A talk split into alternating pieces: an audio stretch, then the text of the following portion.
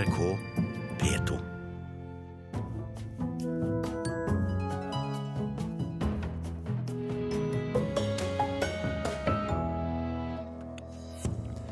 Forslagene til minnesteder etter 22.07 gjør inntrykk på publikum. Finalekandidatene vises nå frem før eh, vinneren kåres torsdag. Sverige kan få eget kulturparti. En dårlig idé, mener norske kulturarbeidere. Og Harry Potter-forfatter JK Rowling er ute med ny krimbok. Ublodig, men ikke blodfattig, mener vår anmelder. Du hører på Kulturnytt med Birger Kålsrud Jåsund i studio. Torsdag får vi vite hvordan minnestedene etter terrorangrepet 22.07 skal se ut, men allerede i dag skal det etter planen avgjøres hvilke av finalekandidatene som vinner utsmykkingskonkurransen. I helgen ble finalistene utstilt på Rådhusgalleriet i Oslo, og støttegruppen for de etterlatte håper minnestedene får en god balanse mellom å vekke vonde minner og samtidig gi ro og fred. Det gjør jo for så vidt et sterkt inntrykk fordi man sitter med så mye i bakhodet på hva som skjedde. Også fordi vi har et relativt sterkt forhold til eh, Utøya og til stedet der ute. Tankevekkende, vil jeg si. Litt sårt. Det var en jevn strøm av interesserte som var innom galleriet i Oslo rådhus i går ettermiddag, der åtte finalister har stilt ut tre forslag hver til minnesteder etter 22.07. Et minnested på Sørbråten på landsiden tvers overfor Utøya, et permanent minnested for fremtidens regjeringskvartal, med eller uten høyblokk. Og i tillegg et midlertidig som skal stå under ombyggingen av regjeringskvartalet. Juryen kan ende opp med å velge fritt fra de enkelte bidragene, og dermed kåre flere vinnere. En god løsning, synes publikum. For den fra Utøya hvor man har delt selve øya i to, at det er noe borte for bestandig, den, den ideen, tanken der syns jeg er veldig fin. Men øh, den andre delen av den det som gjelder regjeringskvartalet, syns jeg ikke så bra som noen av de andre. Så her blir det veldig spennende. Og jeg er glad jeg ikke sitter i denne komiteen og skal ta den endelige avgjørelsen. Ja, Det blir vanskelig valg, tror du? Ja, veldig. Vi liker egentlig den her borte, hvor det er en benk. At man kan sette seg og bare reflektere over eh, livet. Men det var mange fine utkast, syns jeg, som man kunne. Pluss Og den òg. Nesten som en klagemur. Jeg tenker jo at uh, noen av disse verkene er, mer, er vel, noen er veldig klare i ideen sin. Mens andre må man kanskje studere litt nærmere for å finne ut hva de tenker og, og hvordan det kommer til å bli til slutt. Så jeg, jeg, jeg, håper at det er mange som ser dette. Jeg håper det er mange som uh, gjør seg opp en mening om dette her. Og, og, at det blir en, også en diskusjon når vinneren nå kåres. Leder i Nasjonal støttegruppe etter 22.07, Trond Henry Blattmann, minner om at det er viktig med balanse i vinnerbidragene, og regner med støttegruppen vil bli lyttet til før juryen tar sin beslutning. Det blir et sted som kommer til for oss å gjøre vondt. Eh, men det er klart at eh, et minnested etter, etter tragedien 22.07. og terroren 22.07. Det skal gjøre vondt, for vi skal huske hva som skjedde, og så skal samfunnet lære av det. Men samtidig så må det ikke være så sterkt at det bare blir, eh, at det bare blir vanskelig og vondt. Reporter her, det var Thomas Alvarstein Ove. Mona Palle Bjerke, kunstkritiker her i NRK. Er det noen forslag her som er så sterke at det bare blir vanskelig og vondt for de etterlatte? Nei, eh, det tror jeg ikke. Men jeg tenker den eh, som klarer å uttrykke den mest sånn akutte smerten, det er nok den svenske kunstneren Jonas Dahlberg med sitt eh, forslag til Utøya eller Sørbråten, der han har kuttet ut en del av berget. Altså en, en, laget et juv i landskapet, på en måte. Og hvor, du kan, hvor det har slipt ende, eller snittflaten, og der, som ser, blir da som, nesten som en gravsten, hvor det skal stå navn på de omkomne. Dette er et veldig brutalt uttrykk. Samtidig så, som Blattmann sier, dette skal jo smerte litt.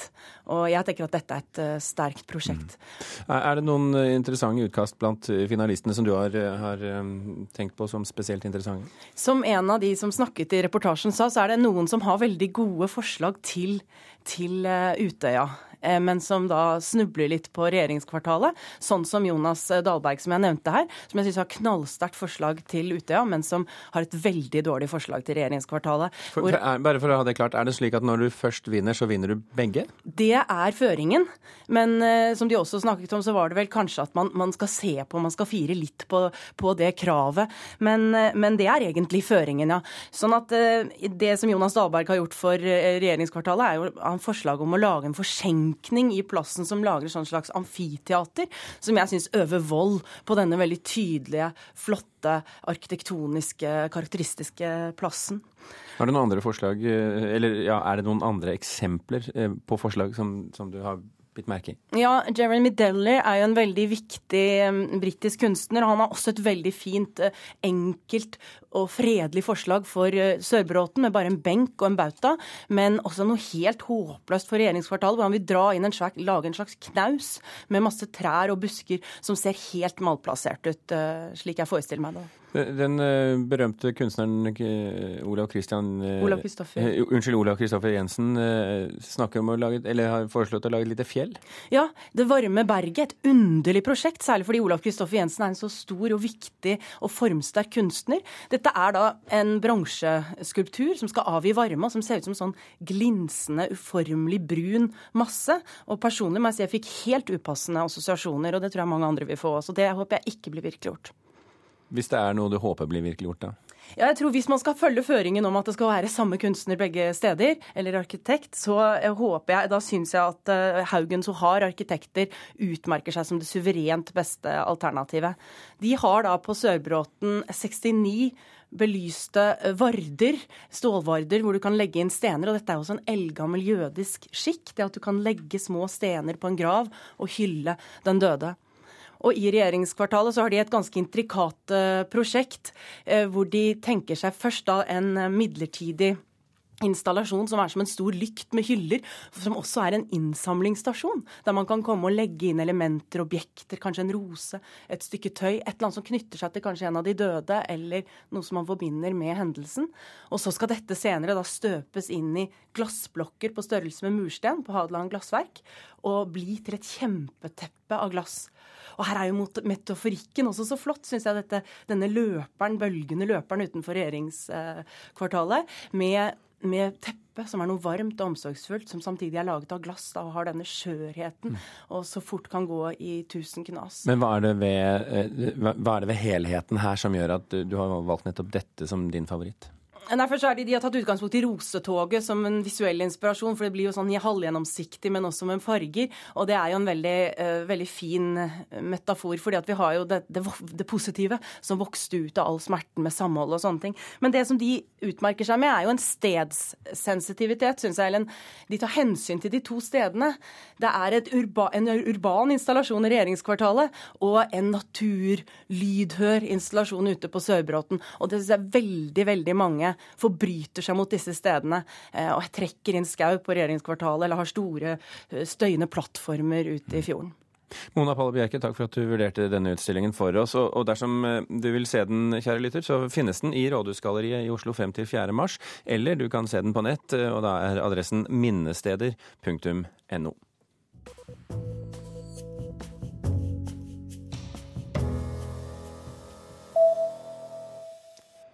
Vi ser stadig mer samtidskunst, forteller Dagsavisen i dag, iallfall i Oslo.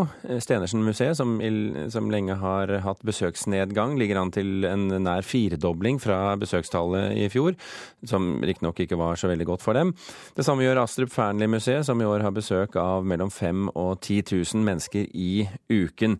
Samtidskunstmuseet økte besøket med omtrent 1000 besøkende fra 2012 til i fjor. Den britiske talkshow-verten Piers Morgan tas av eh, lufta. Seertallene har falt kraftig for talkshowet Piers Morgan Live, og nå tar CNN programmet av sendeskjema. Morgan tok over for CNN-stjernen Larry King i 2011.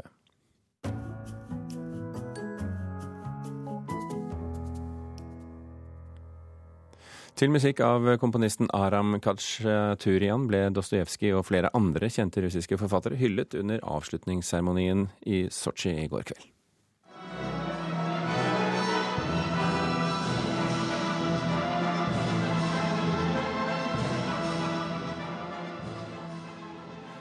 Ja, I går ble altså OL-ilden slukket i Sotsji, og til tross for den store festen har kritiske kunstnere og aktivister både i og utenfor Russland forsøkt å påvirke regimet de seneste to ukene.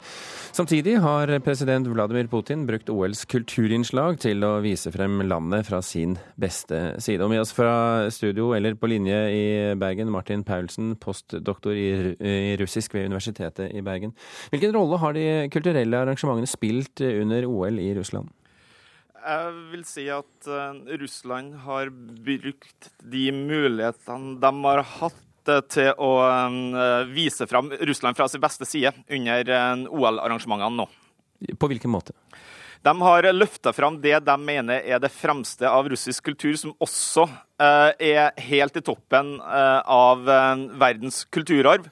Og vist fram det, og vist fram at Russland representerer en veldig viktig del av verdenssivilisasjonen. De, eh, har de kommet frem med det budskapet? Har de lykkes, syns du? Jeg syns at eh, de seremoniene, både åpningsseremonien og avslutningsseremonien, på en eh, veldig fin måte viste hva russisk kultur har å by på. Absolutt. Er det noen spesielle deler av f.eks. åpningsseremonien du vil trekke frem som illustrerer det? Ja, altså, jeg syns det var veldig interessant med det her innslaget med det russiske alfabetet. Fordi det viser på en måte hva som står sentralt i russisk litteratur, altså språket, uh, unnskyld, uh, russisk kultur, altså språket og litteraturen, samtidig som det viser hvordan russisk kultur er særegen og representerer noe eget, et alternativt særlig til det vestlige kulturen som ellers dominerer globalt sett. Er det noe du har latt deg overraske over? Eh, jeg vil si at eh, det var litt overraskende at man inkluderte en del eh, kunstnere som ikke tradisjonelt sett først og fremst har vært opptatt som russisk. I, I, går så, så vi jo bl.a. et uh, tablå med uh, Chagall, som uh, selvfølgelig også var en del av det russiske imperiet tidlig på 1900-tallet, men som vokste opp i en by som i dag ligger i Hviterussland, og som sjøl var jøde og slo gjennom som kunstner i, i Frankrike. Og Kachaturian, som vi hørte her, jo, var jo armensk også. Det er vel også litt sånn eh, ja, Kanskje ikke overraskende, men eh, for min del så viser det her at eh, forståelsen av det russiske er ganske bred. Da. Eh, den inkluderer veldig mye av nærområdene til dagens eh, Russland. og det kan jo forstås politisk som at de ønsker å markere seg som en stor sivilisasjon. Ikke bare det eh, Russland begrensa til nasjonen Russland, men også måte, kulturkretsen Russland. Hvorfor er det viktig for russerne å, å, fremme seg selv som et alternativ til den, den hva skal vi kalle det, vestlige sivilisasjonen? De mener at de representerer noe annet og noe kvalitativt bedre, moralsk riktigere enn eh, vestlig kultur. og en av de store kongstankene for Putin i hans regjeringstid har vært å gjenopprette Russland som en stormakt på verdensbasis. Og Da er det viktig å vise at man representerer et alternativ til de stormaktene som finnes. Og Da er det jo litt sand i maskineriet at f.eks. punk-opprørsgruppen Pussy Riot forsøkte å spille inn en, en musikkvideo eh, i Sotsji nå under OL. Men så så vi jo da på, på filmer på internett at forsøket eh, ble da avbrutt av en slags paramilitær gruppe i uniform, disse såkalte kosakkene, ehm, eh, som så vidt vi vet ikke har blitt straffet for denne opptreden eh, da de gikk løs på dem med, med pisk og slag. Bryr ikke Putin seg om hvilke signaler han sender til resten, verden, resten av verden i sånne spørsmål? Nå så jeg meldinga på nettet i går om at eh, de faktisk har blitt straffa, de her kosakkene. Eh, men det, det, kan jeg ikke bekrefte helt 100% Men jeg tror at det har vært sendt signaler i to retninger. Eh, signaler utad til resten av verden, og signaler innad. Og jeg vil si at Putin har i stor grad lyktes innad med å få det her til å framstå som et stort, viktig internasjonalt arrangement som russerne kan være stolt av. Og sånn som jeg oppfatter det, så har russerne også vist seg å, å sette pris på det. Samtidig så tror jeg internasjonalt at uh, eh, OL har vært prega av fokus på menneskerettigheter uh, og andre ting enn det Putin ønska skulle komme fram. Tusen hjertelig takk skal du ha, Martin Paulsen ved Universitetet i Bergen, for at du kunne være med her i uh, Kulturnytt. Klokken er 17 minutter over åtte. Du hører på Kulturnytt, og dette er overskriften i NRK Nyheter akkurat nå. Både Vesten og Russland frykter at Ukraina skal rakne. Den midlertidige presidenten i landet lover å sikre ro og orden i landet så raskt som mulig. Færre innvandrere til Norge er viktigere enn samarbeid med Kristelig Folkeparti og Venstre. Det mener Fremskrittspartiets Christian Tybring-Gjedde. I dag møtes de fire partiene for å avgjøre hvordan regjeringsavtalen skal tolkes når det gjelder asyl og innvandring. Og aldri har det vært registrert så få influensasyke som denne vinteren. Kulturpartiet er navnet på det som kan bli Sveriges nye parti. Partiet vil jobbe for at kunst skal styrke andre politikkområder som skole, helse, integrering og næringsliv. De jobber nå for å samle nok underskrifter til å kunne registrere partiet til valg. Vi syns ikke kulturspørsmålet behandles med den vikt den bør behandles. Henrik Blasjnik er koordinator for nettverket som nå prøver å etablere Kulturpartiet i Sverige. Til nå har de samla drygt 1000 av de 1500 underskriftene de trenger for å kunne stille til valg. Til Sveriges Radio sier Blasjnik at de andre partiene bruker kultur som pynt. Ja, nesten som en associar for de fleste andre partiene. Alltså det er noe man skal ha for at det ikke framstår som alltför primitivt. I mange politiske skjuler så lever fortfarande föreställningen kvar om at kultur er en tärande sektor. Teatersjef Agnete Haaland ved Den nasjonale scenen i Bergen forstår at en prøver å danne kulturparti i Sverige, men hun tror ikke det har noe for seg i Norge. Vi har jo Miljøpartiet De Grønne fordi at eh, mange savnet en skikkelig miljøengasjement i de eksisterende partiene. Men jeg tenker at vi har jo partier i Norge som også virkelig er interessert i å bygge og løfte kultur- og kunstlivet. Så jeg vil jo si at det er viktigere å påvirke politiske parti som allerede finnes, til å løfte og bygge kunst- og kulturlivet, fremfor å lage et nisjeparti. Og hun får støtte fra forfatter Jon Michelet. Jeg tror de partiene vi har her, er uh, Alle forstår at uh, i Norge må man drive kulturpolitikk. Og så har vi ikke den uh, enorme ungdomsarbeidsløsheten blant kulturinteressert ungdom som de har i Sverige. Og Det er derfor som det har vekket et sånt enormt internasjonalt interesse når Feministisk initiativ har bildet. Gudrun Skyman og partiet Feministisk initiativ fikk hjelp av Jane Fonda da de stilte til valg i Riksdagen i 2006. Sammen med Piratpartiet er Feministisk initiativ eksempel på to av de nye partiene som har starta i Sverige etter 1990, forteller postdoktor Øyvind Brattberg ved Universitetet i Oslo. Jeg tror man jevnt over kan si at, at, svensk politikk er mer eh, turbulent, langt mer turbulent enn det man eh, kjenner fra tidligere tider og at det har blitt en mer eh, uforutsigbar og til dels mer eh, hissig politisk debatt, og et større rom for enkeltinitiativer. I Norge så hadde man jo på et veldig tidlig tidspunkt eh, mange særgrupper så å si, som hadde fått hvert sitt parti. Og man har ikke hatt en, en veldig oppblomstring siden. Han mener det svenske kulturpartiet kanskje har litt for spinkelt grunnlag til å kunne lykkes. Å danne et parti med utgangspunkt i kultursektoren er en veldig vanskelig oppgave nærmest uansett. For det første er det veldig få eh, materielle interesser knyttet til dette, bortsett fra kulturarbeiderne selv. Eh, og for det andre så er det jo slik at selv om en del velgere er opptatt av kultur, så er det veldig sjelden at det trumfer alle andre politiske hensyn.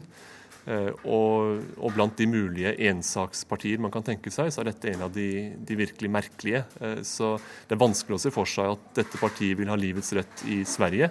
Og det er veldig vanskelig å se for seg i Norge, hvor så å si alle politiske partier gjør et nummer ut av å, å være kulturvenner.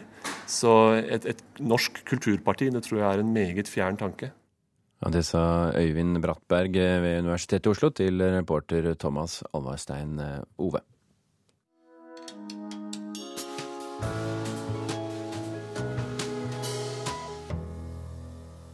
Forfatteren bak Harry Potter-bøkene, JK Rowling, har nå gått til krimmen som neste skritt i sin forfatterkarriere.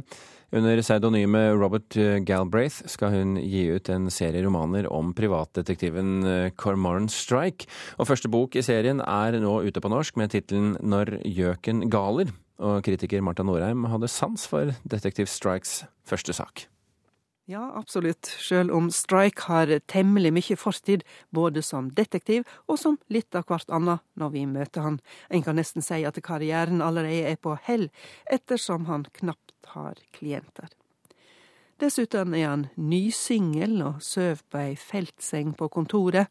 Etter jobb et han junkfood og sjølmedisinerer seg med øl på puben.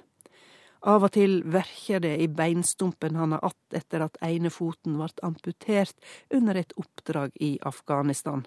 Når jeg så legger til at mannen har en svært interessant familie, så forstår vi at Rowling unnskyld, Galbraith har mye levd liv å spille på i kommende romaner om privatdetektiven Cormoran Strike. Denne første romanen introduserer også den unge, dyktige sekretæren Robin, som i tillegg til å være flink, nok også kommer til å bli skilt i løpet av ei bok eller to. Den tidligere barnebokforfatteren tegner med tydelige streker. Så en dag dukka det opp en kar med høg betalingsevne på det rufsete kontoret. Han mener at søstera, den vakre, men vanskelige fotomodellen, ikke hoppa fra balkongen i den eksklusive leiligheta si, noen vippa henne utfor. Døden er et faktum allerede før boka er i gang. Dette er en krimroman på nesten 500 sider, og nesten uten blod. Trass i at vår mann har vært i Afghanistan og har ei fortid som bokser, har han mer felles med Agatha Christies Hercule Poirot enn med for eksempel Varg Veum. Cormoran går langsomt og fredelig fram, og avslutter saka med en lang, oppklarende gjennomgang i beste Poirot-stil. Og til forskjell fra rådende trender innen krimmen, let forfatteren ikke offeret lide en langsom død under hendene til en utspekulert sadist av en seriemorder. Kanskje hun ikke engang er et offer for annet enn sine indre demoner. Ettersom dødsfallet ligger forut for romanen, har forfatteren rikelig med plass til å skildre de ulike miljøene og de mange personene som kan ha noe med saka å gjøre. Det er et fargerikt portrett av fattige og rike i London by. Det er mørke løgndommer, drømmer om å bli rekna med, om å komme til rikdom. Ikke vakkert, men svært menneskelig. Bak den glatteste fasaden lurer rovdyret. Når Gjøken Galer er velkomponert og velskreven, og jeg henger med hele veien, eller i alle fall nesten. Forfatteren har nemlig fallet for ei typisk krimfreisting. Hun har også ivrig etter å lure leseren at oppklaringa byr på et i overkant svakt premiss. Vi ser det stadig, ikke minst i TV-serier som Mammon eller Broen. Folk skal lurast for enhver pris, så får det våge seg om historia halter. Krimdebutanten Rowling har altså litt å gå på, men når Cormoran skal grave seg ned i Londons intriger og begjær i neste roman, er jeg klar til nye, mørke eventyr. Ja, det sa vår kritiker Marta Norheim om krimromanen 'Når gjøken galer' av Robert Galbraith, eller altså J.K. Rowling, og boken er oversatt til norsk av Heidi Grinde. I Risør ønsker de nå å formidle en stolt og lang trebåthistorie gjennom et nytt båtarkiv. Arkivet som planlegges i de fortsatt aktive båtbyggeriene på Moen, vil inneholde tegninger og fotografier av hundrevis av båter laget på Moen de siste hundre årene. Gjennom 100 års aktivitet i båtbyene har håndverkere skapt godt over 1000 båter og fartøy som har gjort Moen og Risør til begrepet kysten rundt. Det er alt som har med bruksbåter å gjøre. Ferger, legebåter, fiskefartøy, frakteskuter, vannlektere. You name it, hvalbåter. Eh, og så lystbåter i tillegg. Lars Grønvoll er en av de som sørger for at det fortsatt er liv i de gamle båtbyene. Så, så det er nokså bredt. altså. Alt, alt fra minste båt opp til, til 100 fot er bygget her. Nå er han en av de som brenner for å få på plass et båtarkiv på Moen. Hvis man har den, den, den, den legningen, at man liker gamle ting, så, så er dette her veldig interessant. altså. Vi er en utdøende rase, trebåtbyggerne. Båtbyggere har betydd veldig mye i vår historie gjennom veldig veldig mange år. Så vi, det er lurt å, å ikke glemme det.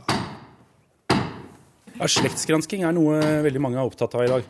Og for oss som er eh, like interessert i båter som vi er interessert i mennesker, så, jo, så vil det å kunne komme hit til Moen og arkivet her eh, bli eh, julekveld. I 2011 ble kulturhistoriker Torstein Arisholm engasjert som konsulent for å gi råd om hvordan arkivmaterialet etter båtbyggeriene best kan bevares for ettertida. Arkivmaterialet vil på en måte bli eh, biografien til båtene. Altså hvis jeg skal sammenligne, Det er veldig fint å ha eh, malerier av Munch. Det er veldig fint å ha båter som er bygd på Moen, men uten biografien og kunnskapen vi har om, om, eh, om Munch, eller om andre kunstnere, så er liksom ikke maleriene det samme. Og sånn er det med båtene her også. Når arkivmaterialet kan på en måte puste liv inn i fartøyene, så blir de enda mer verdt. Arkivet, som er under planlegging, vil inneholde 2000 konstruksjonstegninger, korrespondanse og 600 fotografier tatt vare på gjennom 100 år. Hvis du tar en, tar en, en klype her og, og begynner å folde ut og lese, så ligger det lag på lag med historie. Materialet er i privat eie og i dag spredt på flere adresser. Nå skal det samles i et arkiv som skal lages i en av de gamle båtbyene. Både mangfold og rikdommen i arkivet er, er større enn jeg hadde håpet og trodd da jeg begynte med det. Eh, det hadde kanskje sånn eh, ideelt sett ligget bedre i en eh, tre meter under bakken i et betonghvelv, men da hadde de ikke kunnet spille den rollen som de kommer til å spille her. Både overfor de etterkommerne av dem som lagde arkivet, og for de som kommer hit og skal ha reparert båtene sine, skal ha restaurert, vite hvordan de skal gjøres, og da kan dykke i arkivet her hvor de er, og finne ut hvordan disse ting skal gjøres. hvordan ting har vært. Den største lystbåten som er bygget i Norge noen gang, den 95 fots motorkrysseren Kvitørn 2, som ble bygd i 1938 på et av båtbyggeriene her, den eh, jo, har man forsøkt å finne ut hvor ble av. Den ble solgt til et eller annet sted i Middelhavet en gang på 50-tallet, men eh, den er omtrent umulig å spore opp. Men det kan jo hende den også kommer for en dag. Tegningen fins. Det er måten vi lurer på hvor ble av. Det var altså eh, fra Risør der. Målet er at eh, arkivet skal stå ferdig i løpet av et år. Etter hvert skal også det gamle materialet digitaliseres. Reporter for oss i Risør det var Miriam Grov. Kulturnytt eh, er i ferd med å runde av. Eh, vi har i dag fortalt eh, at lyssatte stålvarder i Hole og et glassteppe ved regjeringskvartalet, begge til minne om terrorofrene, bør vinne konkurransen om minnesteder etter 22.07. Avslutningsseremonien etter OL viste Putins ønske om å fremstille Russlands kulturarv som en samlende element i nasjonen Russland. Hanne Lunås, Halvor Haugen og Birger Kolsrud Aasund takker for følget.